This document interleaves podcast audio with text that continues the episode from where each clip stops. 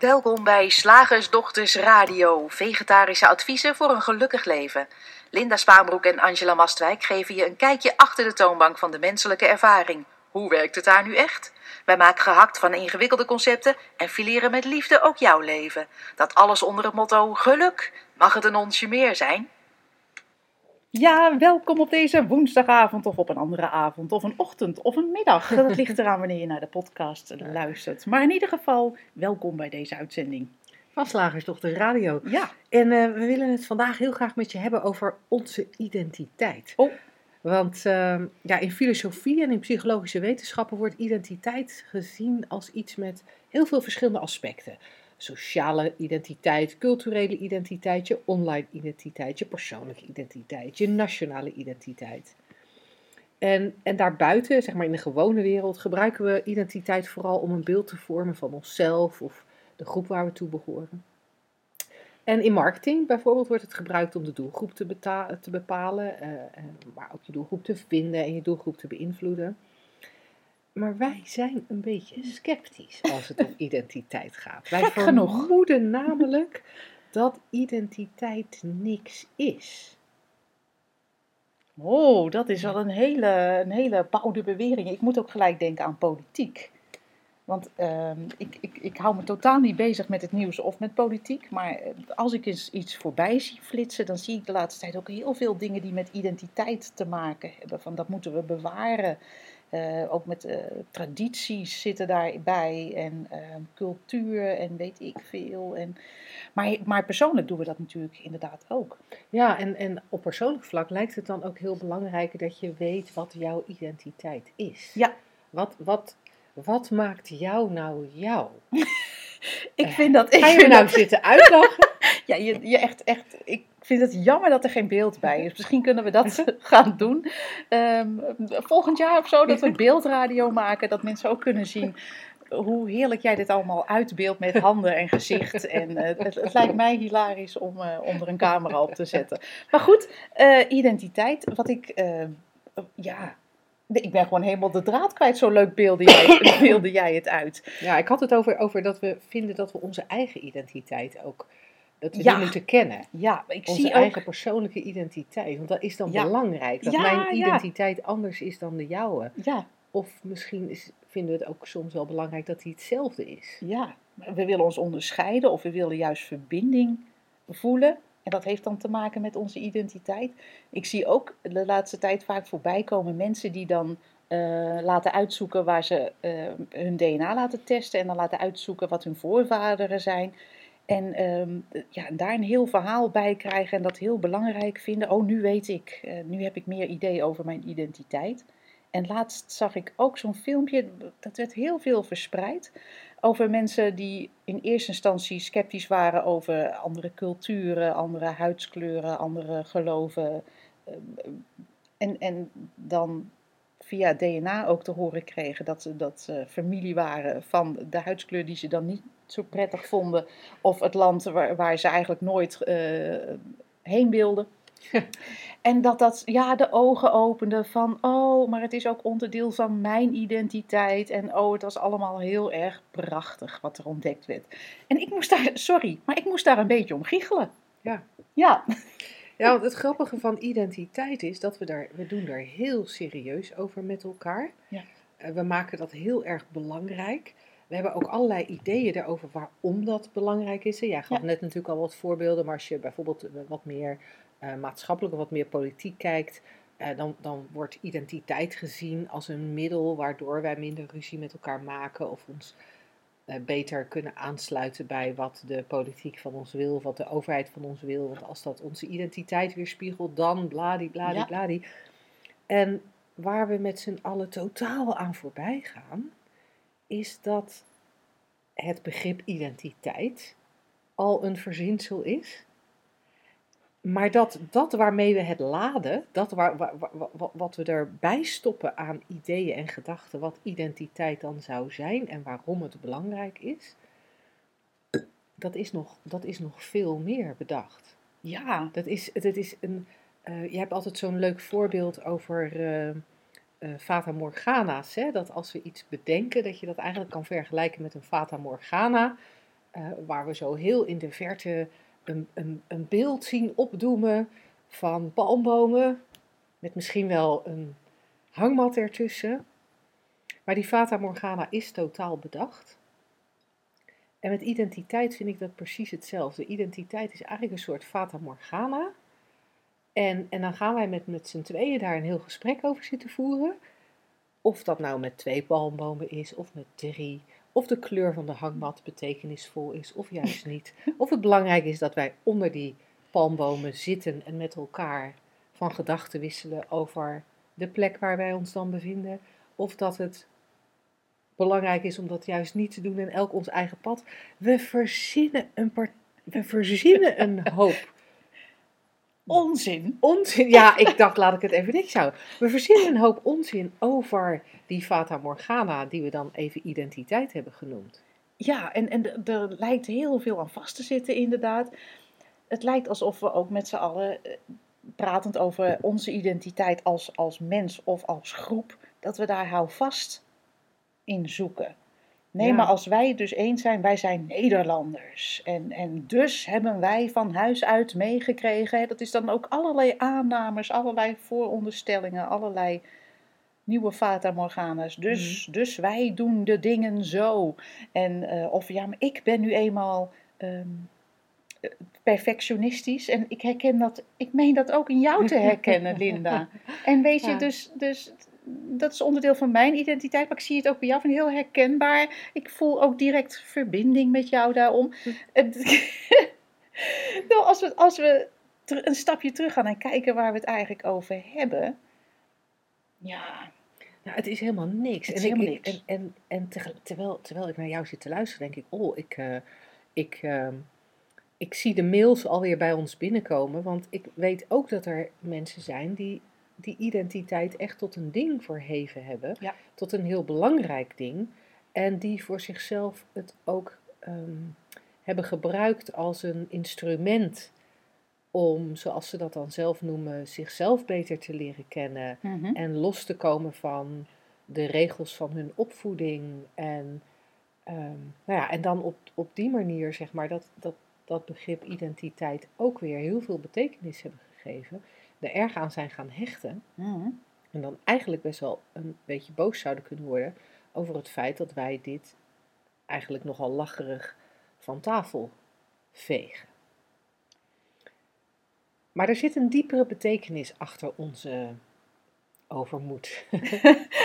of waarom wij dit zo stellig Ja, eh, eh, zeggen en, en waarom wij dit eh, zo anders zien dan gebruikelijk. ja, omdat ehm, zoals ik er tegenaan kijk, en ik hoor heel graag hoe jij er tegenaan kijkt, Angela, maar als, zo, zolang we identiteit zien als iets wat belangrijk is, eh, zolang we het zien als een begrip wat, wat met heel veel inhoud geladen moet worden, ehm, en het gebruiken als een soort eh, stuur om eh, eh, door het leven te navigeren, dan denk ik dat we onszelf heel erg tekort doen. Want het maakt dat we vast moeten houden aan iets wat we op enig moment hebben bedacht. We hebben op enig moment vastgesteld, dit is onze identiteit, dit hoort daarbij, dit hoort daar niet bij. En ik zou me goed voor kunnen stellen dat, dat in dat eerste moment dat je het bedenkt, dat het misschien ook nog een gevoel van opluchting geeft, omdat je het helemaal zelf verzonnen hebt, los van wat je ouders eh, je ooit hebben meegegeven. Dus dat kan heel erg voelen als, hé, dat is lekker, dat is loskomen van mijn ouders, dat is een mooi proces. Ik vind mijzelf. Maar tegelijkertijd, door die identiteit zo ehm, als een kerstboom op te tuigen met allerlei ballen en slingers en lichtjes, en, ehm, zetten we onszelf ook helemaal vast. Want dan, dan, moet, dan moet het dus wel alle dagen kerstmis zijn ineens, met deze kerstboom. Ja, en, en als er dan ineens een paasei verschijnt, dan zeggen we, ik ben niet helemaal mijzelf.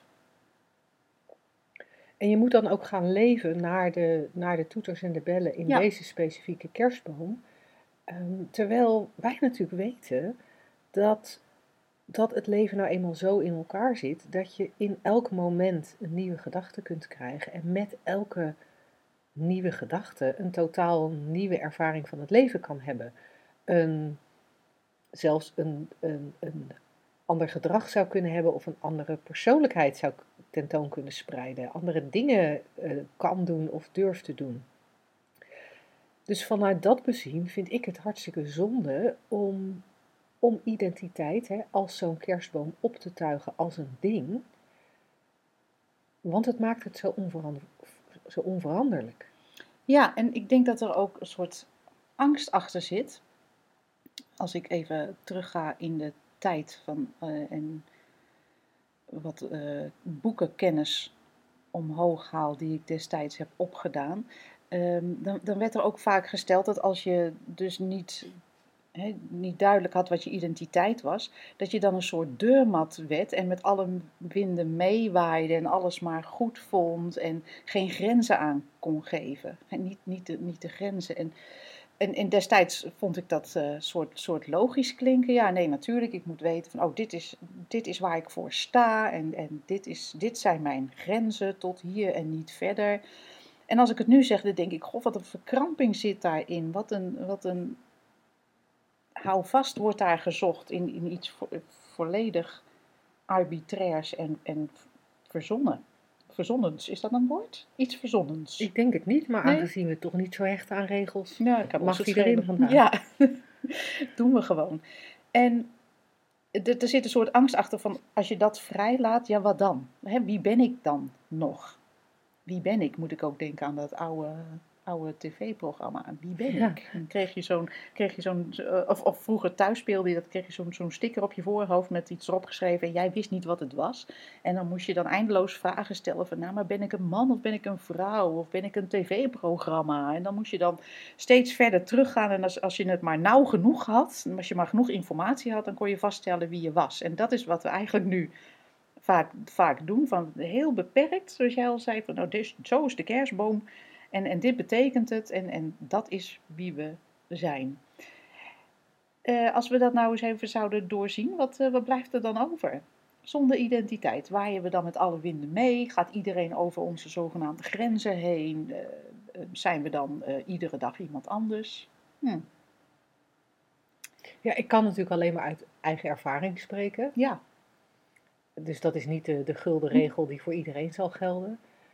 Eh, maar wat ik merk als je minder hecht aan, aan dat begrip mhm. identiteit en minder gelooft in wat dat allemaal betekent, uh, dat je veel meer in elk moment kunt reageren op het moment. ja. um, Spontaan, ja, natuurlijk. Ja, en ik merk wel aan mezelf dat daar een. Uh, ja, daar, daar, daar zit wel iets. Er zit bij mij wel een soort van gelijkmatige, gelijkmatigheid in. Weet je, ik hou heel erg van chips. Ja, er is wel eens een dag dat ik, dat ik geen chips eet. Of dat ik denk, nou, nu even niet, hè. Maar als iemand, als er, als er een, een buitenaardse wezen zou komen om Linda Spaanbroek te observeren, zou die haar regelmatig met een zak chips in haar hand zien. En dan toch constateren, Linda Spaanbroek is blijkbaar... Daar zit een soort associatie met zakken chips. Dus er, zijn wel dingen die, die, die terugkomen. Maar het geeft tegelijkertijd heel veel vrijheid in, in dat niks hoeft en dat ik niet een verplichting met me meesleep van iets wat ik ooit, wat ik ooit bedacht heb. Uh, dat bij mijn identiteit hoort en zo, zo, zo moet het zijn. Ja, zo als ik net aangaf van uh, het feit ik ben perfectionistisch. Als je dat aanneemt als onderdeel van je identiteit, dan, dan zit daar ook heel veel aan vast. Oh, ik ben perfectionistisch, dus. En eh, nou ja, welke beperkingen we onszelf dan ook opleggen, of hoe moeilijker we het onszelf daarmee ook maken. Of hoe, hoe fijn we dat vinden dat we alles perfect doen, want dat kan natuurlijk ook. Maar ik merk steeds meer dat, nou ja, soms doe, wil ik iets perfect doen, blijkbaar. En soms, uh, blijkbaar maakt dat me niet zoveel uit. En dat is vrij random. Ik, persoonlijk heb ik ook niet zo'n behoefte aan uh, dat soort omschrijvingen. Omdat het van zichzelf niets betekent. En wat grenzen betreft, die bij mij, bij mij ook volkomen imaginair zijn. Echt, het zijn mijn grenzen zijn de, uh, is het randje van de Fata Morgana die heb je echt niet nodig. Zodra je ziet, oh wacht even, alles wat ik, wat ik verzin is alles wat er zo in mij opkomt. Dit concept als mijn identiteit bestaat helemaal niet. Dan blijft er eigenlijk de mogelijkheid over, de vrijheid zou ik ook bijna willen zeggen, om gewoon in het moment, jij zei het net al volgens mij, een respons te hebben. En die kan de ene keer zijn, ik ga het nu perfectionistisch doen, en de andere keer kan het zijn van laat me waaien. En dat betekent gewoon niks. En ik vind het ultieme vrijheid. En ik wil niet zeggen dat ik daar altijd zit, dat ik niet uh, vanuit een, een gedachte die ik al heel vaak heb gedacht, reageer. Maar ik weet dat die vrijheid er is, omdat ik hem al op veel, veel vlakken heb, heb gezien dat, dat, het, dat het afbrokkelt, zo'n identiteit. En ik zit er nog steeds, volgens mij. Ja. Ja, ik heb nog steeds... Ja. Uh, ja, en je hebt, ook nog, je hebt ook nog steeds je voorkeuren. Ja. En, en, en je, nou ja, afkeuren klinkt een beetje negatief, maar ja. wat is eigenlijk het tegenovergestelde van voorkeuren? Um, ja, weet ik niet. Voorkeur en... Dingen waar je niet zo van Dingen houdt. waar je niet, die je niet zo lekker vindt. en en, en die, die blijven er wel. Um, het, het, het, waar ik ook ineens aan moet denken is dat zo'n label als perfectionisme, hè, dan zeg je ja, ik, ik ben nou eenmaal een perfectionist. Ik heb soms zelfs het idee dat mensen daar ook een bepaalde houvast aan ontlenen. Mm -hmm. Wat ik dan als buitenstaander veel meer zie als een beperking. Van jeetje, wat leg je jezelf vast? Want als je jezelf één keer een perfectionist noemt, dan moet je dus ook alles perfe perfectionistisch aanpakken. Dan kan je nooit eens de kantjes ervan aflopen, want zo ben je nou eenmaal niet. Um, dus dus het, het, lijkt mij vrij uh, belemmerend, maar ik zie dat sommige mensen daar ook houvast aan ontlenen. Alsof um, weten waar ze met zichzelf aan toe zijn belangrijk is. Oh ja. Ja, ik ben nou eenmaal Zo. s'avonds om half tien moe. Dat past bij mij. Dat oh. past bij mij. En um, ja, omdat ik perfectionistisch ben, is het voor mij dus eigenlijk niet te doen om een eigen bedrijf te beginnen. Ja. Of omdat ik, omdat ik wat angstig aangelegd ben, ja, kan ik maar beter geen verre reizen maken. Uh, of kan ik maar beter niet op de camping, want daar zijn spinnen. Of kan ik maar beter niet in een huis wonen, want daar zijn spinnen. En wat mensen er vervolgens omheen verzinnen is totaal arbitrair. Daar kan je, dat, dat is al geweldig. Hoezeer je daar alleen al aan kan zien dat wat we bedenken echt helemaal nergens op slaat. We doen, we doen echt maar wat ja. als het om bedenken gaat. Alleen vervolgens gaan we het zelf heel serieus zitten nemen. En ook van elkaar heel serieus. Meid, ben jij perfectionistisch? Wat erg! Wat lastig, dan moet je voor een therapie. ik was gisteren bijvoorbeeld, ik was in, uh, in Friesland bij een, uh, bij een hele, hele mooie zaak. En ik zat daar met uh, de eigenares te kletsen. En die kwam uit het, hier uit de buurt, bij Amersfoort. Mm -hmm. En ik zei zo, goh, hoe bevalt het hier in Friesland? Oh, ze is hartstikke goed. En uh, nou, we hebben ook zulke leuke buren, hartstikke aardige mensen, die Friesen. En toen merkte ik ook dat ik even meekletste. Van ja, nee, ik vind ze ook echt hartstikke aardig. Alsof Friesen geen mensen zijn met hun eigen uh, gedachten in het moment, hun eigen buien, hun eigen realiteiten zoals wij die allemaal persoonlijk hebben, gingen wij daar met z'n tweeën, ik ging er zelfs heel even in mee, praten over de Friesen alsof dat iets betekende. Ja, nee, zei zij, ik dacht altijd dat ze zo stug waren, maar dat valt best mee. Hè? Dus, dus de ene identiteit was bedacht, maar er bleek een hele andere identiteit. En, en op een gegeven moment, na een paar zinnen, dacht ik, oh wat een onzin eigenlijk. En, en zei ik, van het zijn net mensen. Het zijn net mensen, Friesen. Heel interessant. En ik realiseerde mij ook, als wij in Portugal bijvoorbeeld op een camping staan, dat je die neiging gewoon heel snel hebt, doordat we dit concept ooit zijn gaan geloven. Oh ja, dat is zo'n Fransman. Weet je, die groet iedereen in het Frans. Iedereen praat hier Engels, omdat dat, iedereen kan een beetje Engels, dus dat is makkelijk. Iedereen zegt good morning, good afternoon, maar die Fransen weer niet. He, die houden vast aan hun eigen identiteit en die moeten weer bonjour zeggen. En, nou, zo, en dan vinden we daar, daar ook wat van. En dat hoeft natuurlijk helemaal niet. Ik vind het heel interessant hoe we, daar, hoe we daarmee een soort, soort afscheiding creëren en niet meer zien dat de mens voor wie die is, een ervaring in het moment met een realiteit die gecreëerd wordt door gedachten en um, het bewustzijn dat daar een heel feestje van maakt. Wat in elk moment anders kan zijn, of je nou Fransman of, Fransman of Fries bent. Het maakt niet uit. We zijn allemaal mensen. Perfectionist of. Of slordervos. Ja. Of je een kerstboom hebt staan of een paaseierenmandje. Het is Ja. allemaal verzonnen. ja. Dat is, geeft een vrijheid.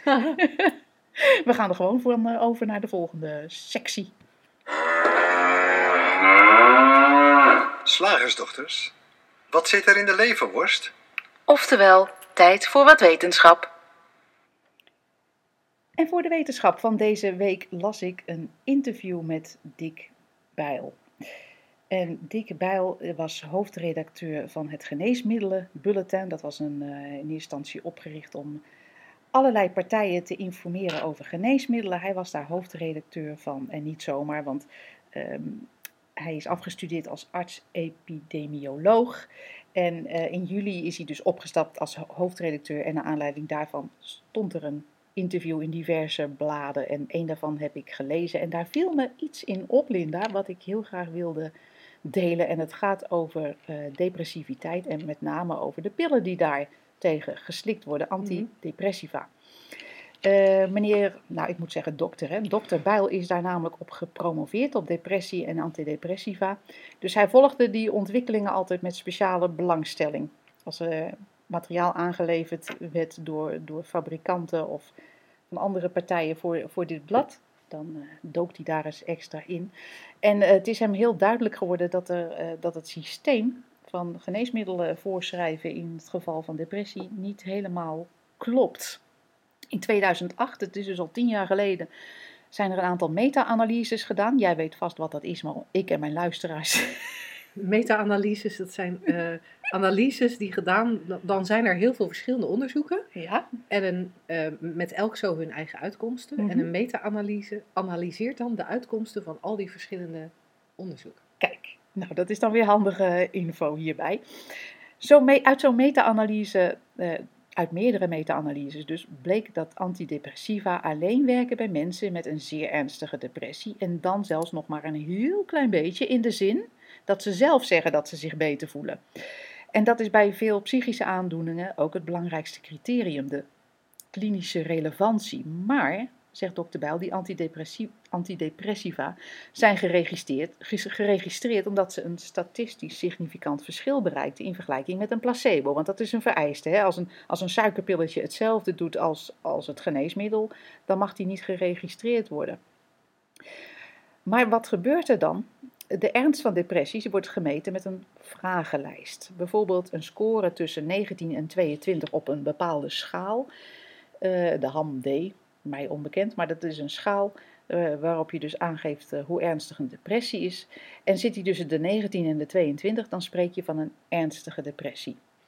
En met- en met antidepressiva gaan mensen bijvoorbeeld van een score van 20 naar 12 met zo'n medicijn, maar met een placebo van 20 naar 13. Dat scheelt één punt. En als je nou maar genoeg mensen onderzoekt, eh, da- dan, dan wordt dat verschil nog statistisch significant genoemd ook. En dokter Bijl zegt dus, maar er is dus geen verschil eigenlijk. Want niemand, geen arts en geen patiënt zal dat verschil van die ene punt kunnen ervaren als een verschil in klinische verbetering. En, en hij zegt dan een klinisch relevant verschil bedraagt minimaal drie tot vier punten. En wat ook duidelijk is geworden in zijn tijd als hoofdredacteur, is dat eh, de autoriteiten die antide- antidepressiva goedkeuren, dat doen op basis van twee onderzoeken met een positieve uitkomst. Dus we registreren dat middel als werkend als er twee onderzoeken zijn die een positieve uitkomst hebben. Eh, fabrikanten doen vaak meer onderzoeken, 7, 8, 9, 10. En als er 8 negatief zijn en 2 positief, dan mag toch dat geneesmiddel geregistreerd worden. En dat, eh, daar zet dokter Bijl in mijn ogen terecht, maar dat is mijn mening, eh, zijn vraagtekens bij. Hij zegt dat zo, die registratie gaat veel te makkelijk. In 2015 hebben onafhankelijke onderzoekers ook een nieuwe analyse gedaan van een onderzoek met antidepressiva bij kinderen en adolescenten. Dat eerder in 2000 was gepubliceerd. En daarbij kregen ze, en dat is de crux hiervan, eh, alle gegevens die betrekking hadden op die de fabrikant niet had gepubliceerd. En eh, daar ontdekte zij dus dat die antidepressiva helemaal niet werkten bij kinderen en pubers. En sterker nog, dat er sprake was van aanzienlijke bijwerkingen. Eh, al met al zijn die bijwerkingen, dat noemt hij ook nog even, ehm, vrij ernstig. Eh, ze geven namelijk een verhoogde, eh, verhoogd risico op suicidaliteit en suïcide, oftewel zelfmoord. En dokter Bijl stelt heel bout, de meeste gebruikers van antidepressiva ervaren slechts bijwerkingen. Dus daar word je niet beter van. Ehm, Fascinerend. En, Ja. en staat, er, staat er in dit artikel, wordt er ook nog ingegaan op ho- hoe het dan komt dat het toch zoveel gebruikt wordt. En hoe het dan komt dat er toch zo'n grote... Kijk, dat het vanuit die farmaceutische industrie geplukt wordt, daar kan ik me iets bij voorstellen. Maar hoe komt het dan dat er zoveel artsen zijn die enorm geloven in, in de, het nut en de noodzaak van antidepressiva? Ja, blijkbaar wordt, wordt toch die, eh, worden die onderzoeken wel gelezen, maar daar, daar stond ook nog een heel interessant ehm, dingetje over in, in, dit, in dit interview. Is dat eh, bij die onderzoeken, die zijn natuurlijk heel lang, hè, dus er komt heel veel tekst uit, dat weet je vast zelf. Jij hebt ook onderzoek gedaan, dat zijn hele, hele dikke rapporten. En daar wordt een samenvatting bij geleverd. Mhm. En vaak wordt, zegt hij, wordt alleen die samenvatting gelezen. Maar uit onderzoek daarvan blijkt dat in de samenvatting soms het tegenovergestelde wordt beweerd van wat er uit het eigenlijk onderzoek komt. Dus dat die samenvatting helemaal niet klopt met het hele onderzoek. En dat je als arts, je kan, je kan moeilijk al die onderzoeken helemaal lezen, dat is heel begrijpelijk. En uitgaat daarvan en dus blijkbaar eh, de, dan van overtuigd bent dat, eh, dat het voorschrijven nog steeds een goed idee is. En dokter Bijl noemt eh, antidepressiva voor kinderen en adolescenten zelfs regelrecht gif. En dat vond ik toch wel een, voor een expert op dit gebied. Ik dacht, oeh. Ja. Ehm, ook een soort, soort pijnlijk, omdat heel veel mensen eh, er afhankelijk van lijken te zijn. Ehm, terwijl ze dus een, een placebo-effect ervaren. Oh, ik neem een pilletje, daar word ik rustig van. En wat ik, waar ik ook aan moest denken van... ehm, ik hoorde ooit een interview met een verslaafde. En die, die was ook in de richting van de drie principes gaan kijken. Was alcoholverslaafde. En die zei van, ik, ik merkte dat ik niet eens rustig werd van alcohol. Maar bij het idee van, nou, ik neem wel een drankje. Ja. Daar werd hij al rustig van. En eigenlijk was die drank, dat was dan, nou ja, voor hem een bonus. Maar, maar niet de oorzaak van dat hij al wat rustiger werd. Niet de, niet, niet de oorzaak van de biochemische eh, verandering in eerste instantie in zijn hersenen. Maar de- het idee, ik mag straks een drankje, maakte hem al rustig. En, en dat zie je dus blijkbaar bij eh, antidepressiva ook. Het idee van, dit helpt mij, zorgt al voor een andere chemische balans. Dat zegt dokter Bijl overigens niet, hè, wat ik nu zeg. Dit gaat echt alleen maar over het feit dat antidepressiva, wat hem betreft, niet werken. En, en sterker nog, eh, als bijwerking dus die suicidaliteit hebben. Ja, het, het, het is interessant, dat het is heel erg in lijn met een podcast die ik eh, van de week beluisterde eh, van Bill Pettit. Jij, Ja. jij noemt hem wel vaker in, eh, in deze rubriek. Ja. Een, eh, een psychiater en psychofarmaceut uit Amerika die al een jaar of dertig ehm, op basis van de drie principes werkt. En in de podcast die ik van de week beluisterde, had hij het ook over antidepressiva. En hij beschreef het net even anders dan eh dokter Bell hier in dit, in dit artikel doet. Maar hij gaf aan dat het, ehm, het verschil tussen. eh, hij, hij haalde onderzoeken aan waarin het verschil tussen de werking van antidepressiva en de werking van placebo's vrijwel gelijk was. Eh, niet helemaal gelijk, eh, maar wel vrijwel gelijk. Dus evenveel mensen reageerden, of, of een, een bijna even groot percentage reageerde op het placebo als reageerde op het antidepressieve. Er werd alleen wel gezien dat het effect van het ene medici- van het medicijn of van het placebo eh, inwerkte op een ander deel van de hersenen. Oh. Dus ook het placebo deed iets in de hersenen, Mhm. leek iets te doen in de hersenen. Ja. doordat het placebo-gedachte oproept, hè, gebeurt Ja. er iets.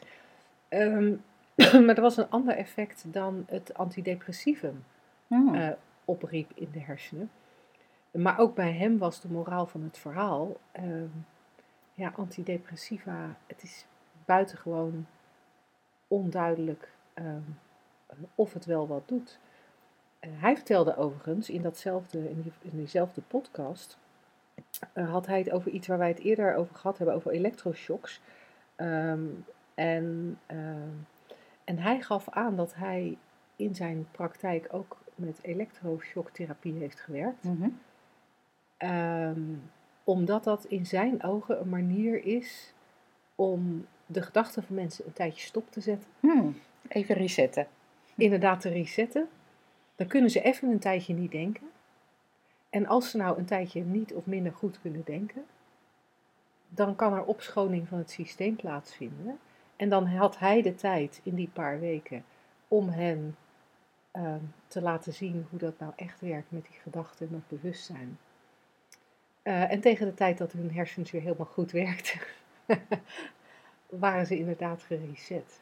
Wauw. En waren ze gestopt met, met ja, overdadig denken. Want hij gaf ook aan in deze podcast dat depressiviteit eigenlijk niks anders is dan vol, volledig in overdrive eh, zijn met Ja. een bepaald type gedachte. En dat is natuurlijk wat wij, eh, wat wij zien en waar we ook veel over gehoord hebben van patiënten in eh, Amerika en Engeland. Dat, dat zodra je die kant gaat belichten,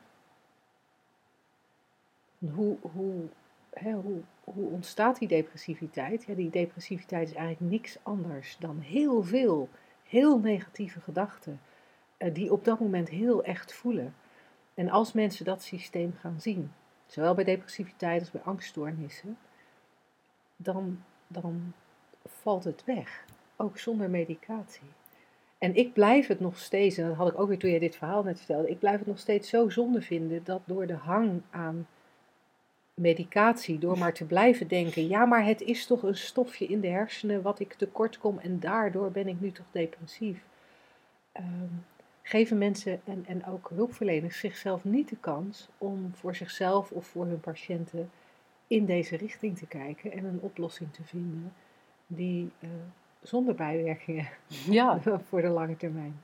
ja ik, ik moet ook gelijk denken aan een ervaring die ik zelf eh, had met iemand. Dat was een, een mevrouw die een, een, een tijdje dagelijks bij ons kwam, bij mij, mijn, mijn geliefde, om eh, even gezellig te kletsen. En zij slikte ook antidepressiva, antidepressiva. Ik weet nooit waar de klemtoon ligt. Had ik even op moeten zoeken voor deze uitzending. Niet gedaan. En na, na een aantal weken zei ze van ik, eh, ik, ik kom niet meer. En in eerste instantie voelde ze zich steeds beter worden. Toen zei ze ik kom niet meer, want ik kan niet meer tegen mijn medicijnen. En dat vond ik, daar werd ik even stil van. Ik dacht, wauw. Dus, dus gesprekken over hoe het leven in elkaar zit, doen je, doen je goed en doen je zo goed dat, dat het niet meer matcht met wat er, ehm, met de medicijnen die je, die je slikt. En ik denk dan, maar daar ben ik, en ik, gelukkig ga ik daar niet over, want ik ben geen dokter. Ik denk, dan gooi die medicijnen weg, maar dat is niet, helemaal eh, niet mijn, eh, mijn stijl. Dus daar kan en mag ik ook niks over zeggen, zou ik ook niet doen. Maar ik vond het wel fascinerend om te zien dat je dan dus blijkbaar concludeert, precies wat jij zegt, omdat je zo overtuigd bent van, nou ja, maar dat helpt mij. Dat je liever met pillen doorgaat dan met gesprekken over die, die eigenlijk verhelderend zijn voor alle vlakken van je leven. En dat is, eh, nou ja, jammer.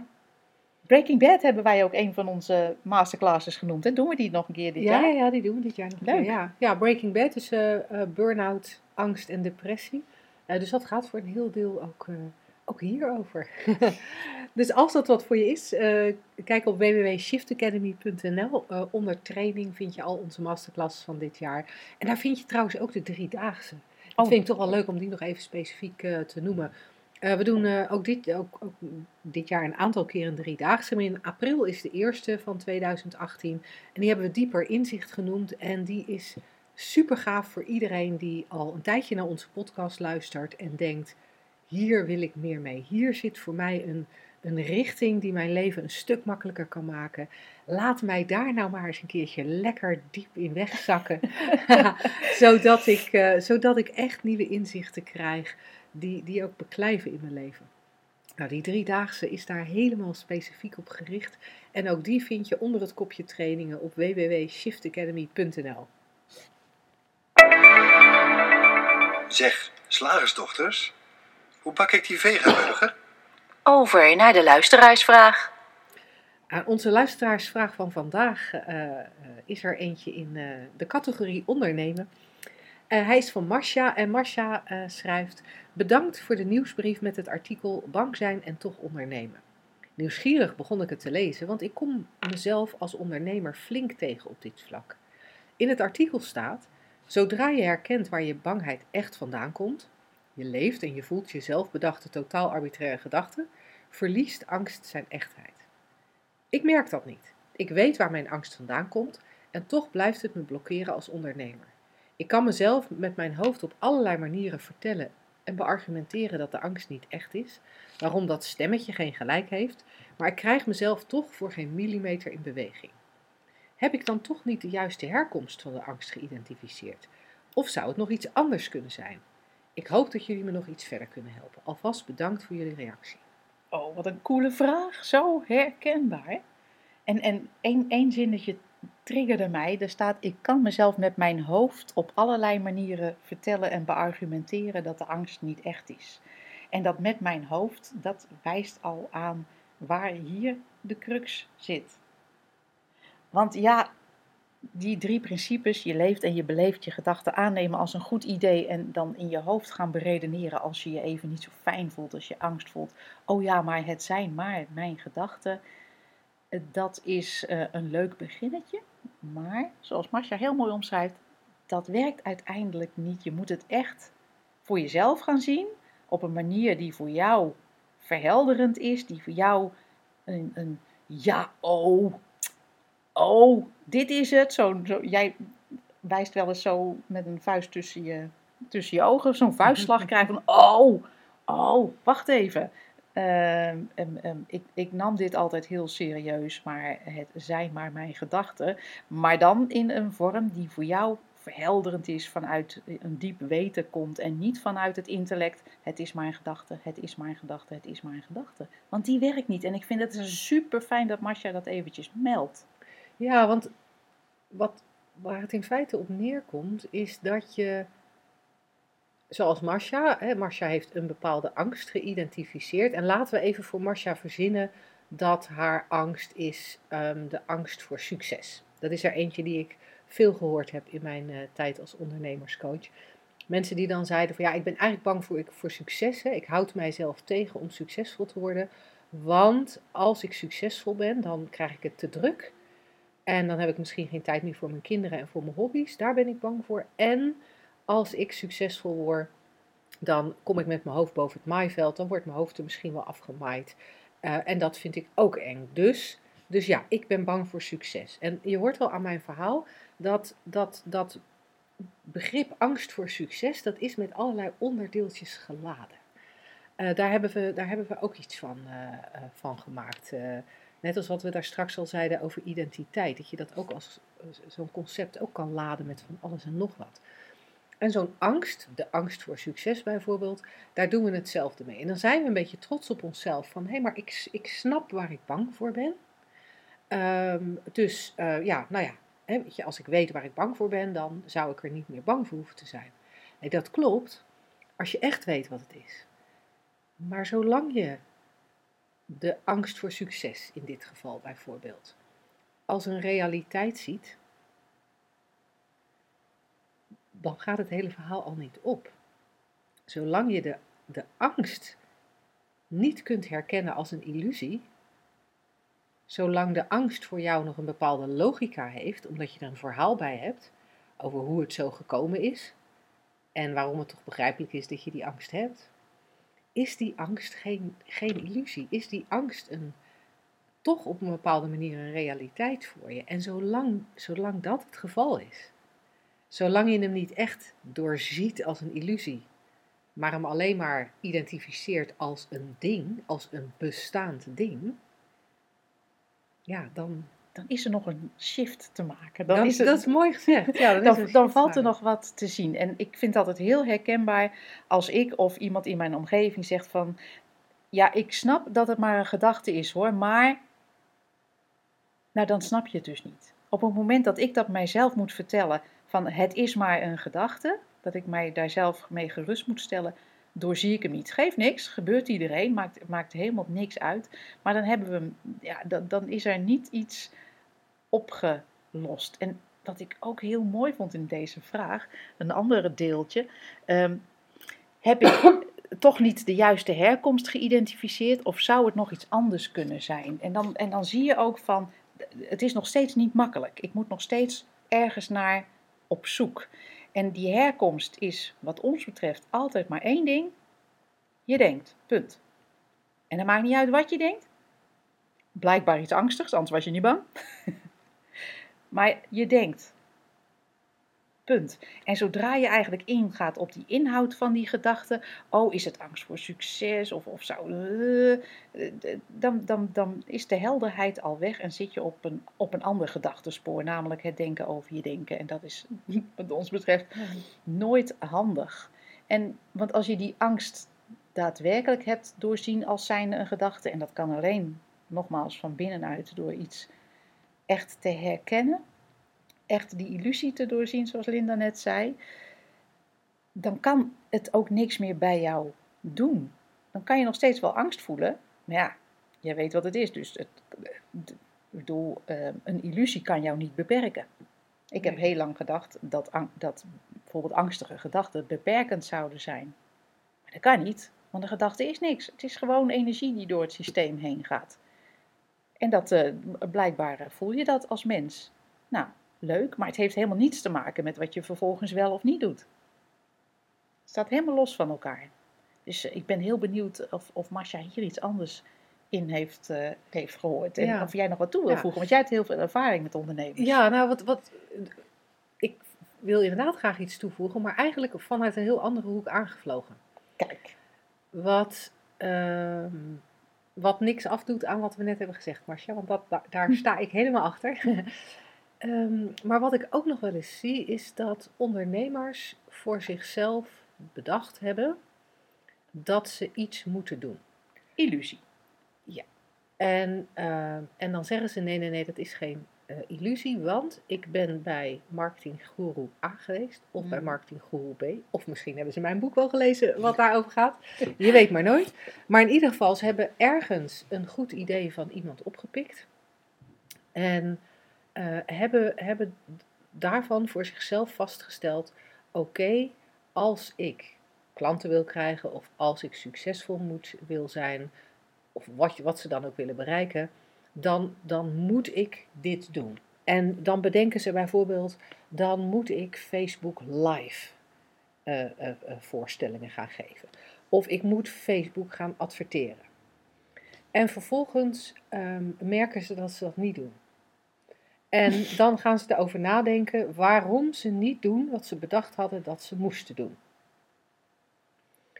Nou, ik, ik doe die Facebook lives niet, want ik ben bang dat mensen commentaar op me leveren. Dus het is mijn angst die mij tegenhoudt om Facebook lives te gaan doen. Wat ik meen te zien, is dat, de, ehm, dat iemand al eigenlijk een beetje verkeerde afslag heeft genomen op een, op een veel eerder op het traject. Dat iemand, iemand wil iets, iemand wil iets in de, iemand wil cupcakes gaan verkopen, ik noem maar wat. Iemand is dol op het bakken van cupcakes en maakt Ja. hele lekkere cupcakes. Iedereen zegt, oh wil je voor mij ook cupcakes bakken? En iemand denkt op enig moment, weet je wat, ik zeg mijn baan op, ik ga, voor, ik ga als bedrijf cupcakes, cupcakes bakken. En dat is, dat is dan iets wat helemaal uit die persoon zelf komt. En vervolgens gaat hij vanuit onzekerheid op zoek naar een soort houvast in de buitenwereld. Wat kan ik doen om mijn cupcake business ook succesvol te laten worden? En stuit dan op allerlei concepten van allerlei marketingdeskundigen en andere ondernemers. En in plaats van te blijven acteren op de eigen inspiratie en, en de dingen waar je zelf zin in hebt en die voor jou in jouw situatie logisch lijken, ga je proberen te acteren op de bedenksels van een ander. En ga jij ook zelf bedenksels creëren over de bedenksels van iemand anders. En kom je dus uiteindelijk in een of andere hele erge knoop terecht, omdat je dan bedacht hebt dat jij met je cupcakes een Facebook Live moet gaan doen. En dat doe je niet, en dan heb je daar ook weer een verhaal over. Terwijl ik dan denk: nee, nee, nee, nee, nee laten we even een heleboel stappen teruggaan. Jij wil cupcakes bakken. En je bent zo onzeker over, geworden over of dat wel genoeg geld gaat opbrengen. Je hebt zoveel gedachten gecreëerd over of dat wel een, een haalbare business is, dat je leentjebuur bent gaan spelen bij allerlei andere mensen. Je hebt de, de, de gedachten van andere mensen geadopteerd als waarheid, maar dat past helemaal niet bij jou. Dat is helemaal niet wat, wat er voor jou in het vat zit. Dat is helemaal niet wat het leven voor jou in petto heeft. En dan kom je in, een, in, in mijn ogen, en ik weet niet of het verhaal enigszins duidelijk is, voor mij is het heel logisch, maar misschien voor jou als toehoorder niet. het is, ja, heel logisch. Maar dat je, dan, dan, ja, dan ga je jezelf kwalijk zitten nemen omdat je dingen niet doet. En gaat een, gaat, zitten, gaat een reden zitten bedenken waarom je die dingen niet doet. En ik denk dan, ja, de reden dat je ze niet doet, is dat ze gewoon eigenlijk helemaal niet voor jou in de, in de sterren geschreven stonden. Of hoe, hoe we dat dan ook zeggen. Ja. Ja, ik vind het mooi, want als je ook kijkt naar, naar ik vind Apple altijd een mooi voorbeeld met Steve Jobs. Zijn ouders die maakten zich enorme zorgen, die hadden heel veel geld voor hem gespaard. Hij moest en zou gaan studeren en dat had, daar hadden ze voor gewerkt en afgezien. En ja, hij kon gaan studeren, oh wat heerlijk, maar hij vond het helemaal niks. Dus hij, hij, hij vluchtte van de universiteit. En ik weet niet of ik het verhaal correct vertel hoor, maar het, het gaat om de essentie ervan. Um, en hij ging in een garage een beetje met computers zitten spelen. En oh ja, en hij deed een cursusje kalligraferen. Vond hij zo leuk, kalligraferen. En daaruit zijn die mooie uh, lettertypes ontstaan van, van Apple. En natuurlijk het, het hele concern uiteindelijk. En zo zijn er wel meer voorbeelden van mensen die gewoon, zoals jij zegt, van, van binnenuit doen. Eh, wat, wat ze fijn vinden in dat moment. Wat, wat, uh, wat, waartoe ze geïnspireerd zijn. Of het nou cupcakes zijn of, of calligrafie. Eh, wat totaal niet logisch is, hè? cursus calligrafie, wat ga je daarmee doen? Hoe ga je daar je geld mee verdienen? Wat heb je daaraan? Zonde van je tijd. Het bleek heel handig. En hij deed het vanuit inspiratie. En als je, ja, als je dat, jij noemt het ook echt een spoor volgen, gewoon van, oh, in het moment, oh dat, oh dat. Zonder dat je voorgekoude uh, ondernemersconcepten of, of levensconcepten, dat is ook een leuke, uh, uh, nadoet ja, volgens mij ontstaan zo de mooiste dingen. En in ieder geval een ontspannen mens. Ja dat, ja, dat in ieder geval. Dat in ieder geval. En dat is wat we allemaal willen. Hè? Want waarom wil jij een uh, bedrijf beginnen? Omdat je denkt, ja, dat lijkt me cool. Uh, je wil je goed voelen als mens, ja. blijkbaar. Ja, en op het moment dat je tegengehouden wordt door angsten, als dat, als dat is zoals je het ervaart, dan, dan kan het niet anders zijn dan dat je heel erg in een, uh, in een, in een terechtgekomen bent en, en een realiteit voor jezelf creëert met die gedachten die gewoon niet, die niet de waarheid is, die wel de waarheid lijkt, maar die het gewoon niet is. Ik moet ook nog denken aan, aan eigenlijk de oneindige creativiteit in de mens, omdat we in elk moment um, um, in alle stilte en rust toegang hebben tot een oneindig aantal nieuwe, frisse gedachten en ideeën.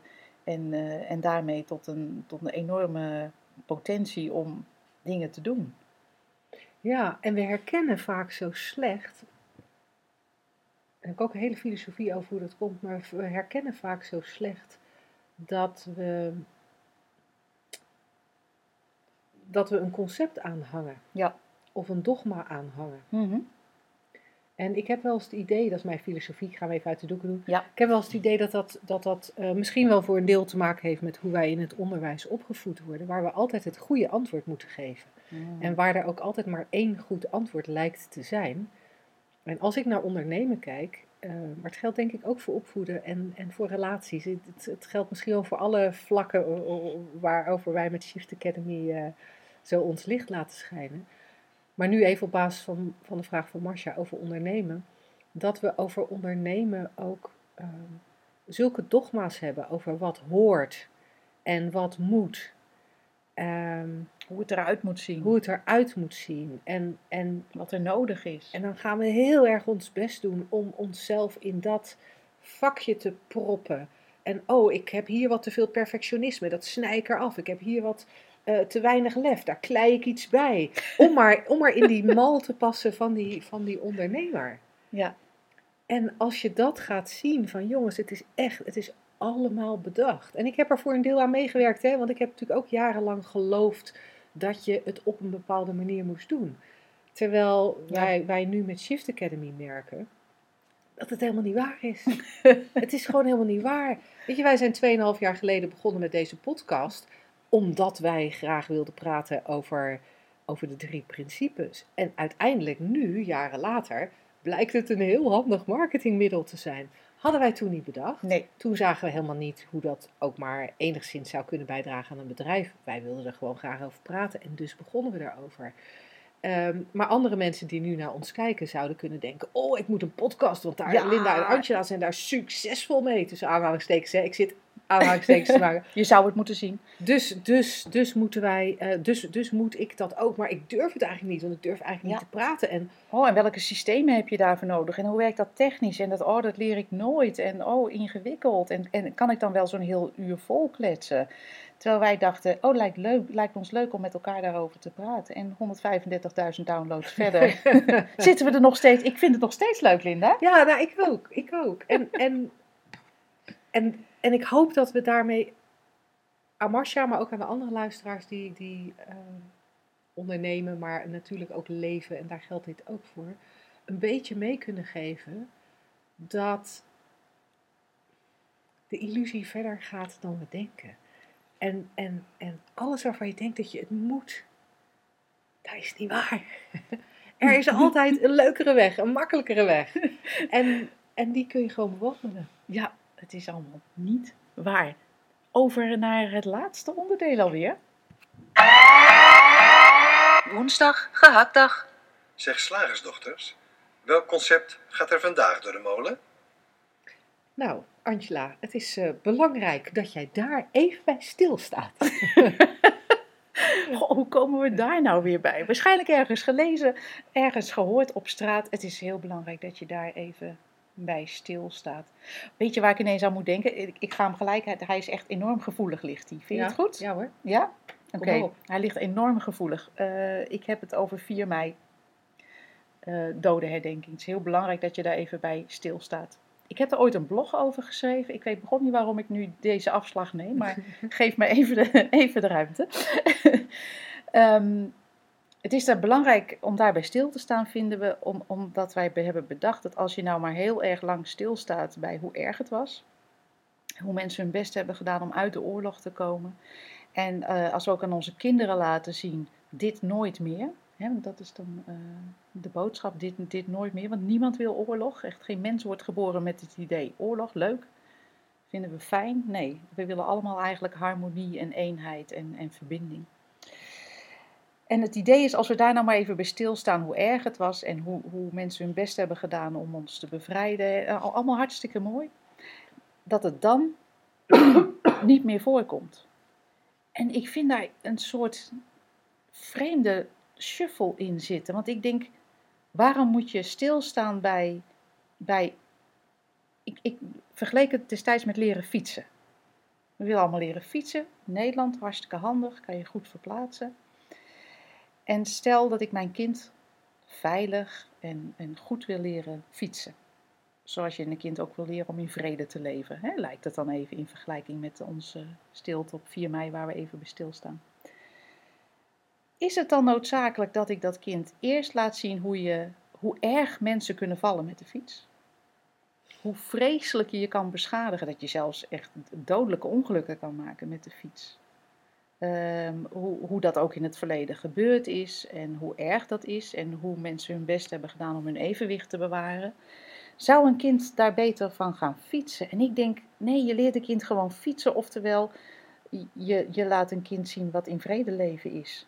Ehm, eh, dat maakt het ten eerste een stuk makkelijker. En ten tweede denk ik,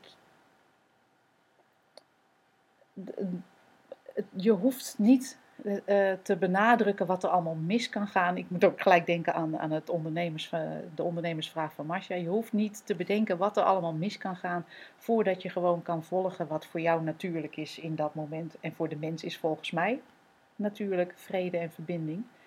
En dan hoeven we niet stil te staan bij uh, hoe, hoe erg het was. En even los van of je dat wel of niet wil doen, weet je, dat, daar, daar ga ik verder niet over. En ik vind het ik vind het prima. Het gaat me alleen maar even om het, uh, uh, wat we ermee denken te bereiken. Daar heb ik uh, nou ja, een, andere, een andere kijk op vanuit drie principes.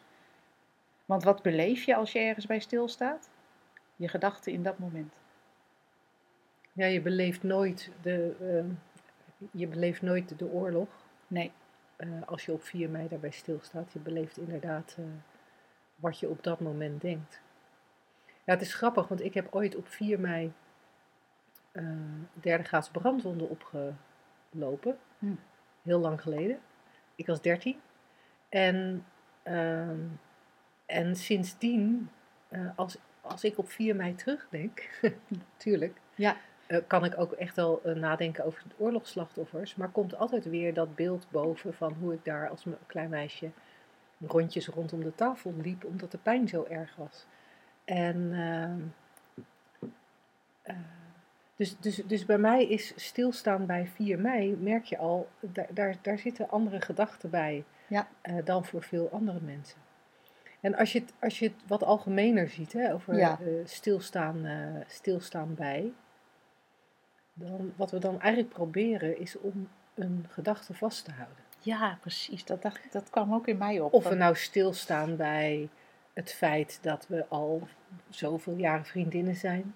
Of we staan, we staan stil bij het feit dat onze uh, kind uh, getrouwd is. Of we staan stil bij het feit dat we een diploma gehaald hebben. Het maakt eigenlijk niet uit waar we bij stilstaan. Uh, maar we proberen gedachten vast te houden in een, in een moment. Terwijl de aard van gedachten is om vloeibaar te zijn. Ja. En, en juist in de vloeibaarheid van gedachten zit wat mij betreft ook onze gezondheid, onze psychologische gezondheid. Ja. Want doordat gedachten vloeibaar zijn en als wolken voorbij kunnen drijven, uh, ja, schoont het weer op uh, in ons hoofd. Maar dat is wel een systeem van komen en gaan, van eb en vloed, zoals jij het wel eens omschrijft.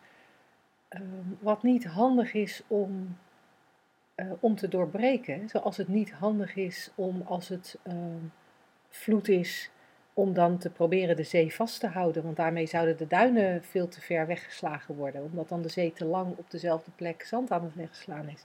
Is niet handig. Maar net zo goed is het, is het, is het niet nodig om, om uh, de vloed tegen te gaan houden uh, als die opkomt. Want ook dat hoort erbij. En, en daar moet ik een beetje aan denken als we het hebben over. Uh, het is belangrijk dat je er even bij stilstaat. Dat je eigenlijk een heel Ja. natuurlijk proces tegenwerkt. Ja, en als je, als je het fijn vindt om ergens over na te denken, oh, het is, oh we zijn al tien jaar getrouwd, oh wat, wat heerlijk, be my guest zeg ik. Hè? Eh, maar belangrijk is het niet en het hoeft ook niet. Want jij, ik vind het een hele mooie omschrijving, eh, wat jij nu zegt met die, met die app en die vloed en het natuurlijke systeem. Ehm, ergens bij stilstaan is eigenlijk onnatuurlijk. En het mag, doe het vooral. Maar als het wringt of schuurt, is het misschien heel handig om te weten dat je het systeem een soort aan het, aan het dwarsbomen bent, aan het tegenwerken bent. Ja. En het hoeft niet. Het mag namelijk ook makkelijk. En dat is ook trouwens de titel van ons boek. Ja. Eh, ja, ja, nog steeds te koop op. eh, we hebben nog een voorraadje. Op onze site www.shiftacademy.nl kun je het bestellen. Zorgen wij dat het eh, in je brievenbus komt. En verder zijn we klaar volgens mij voor deze week. En spreek ik jou heel graag weer. En jullie ook volgende week. Heel graag tot dan. Tot dan. Doeg.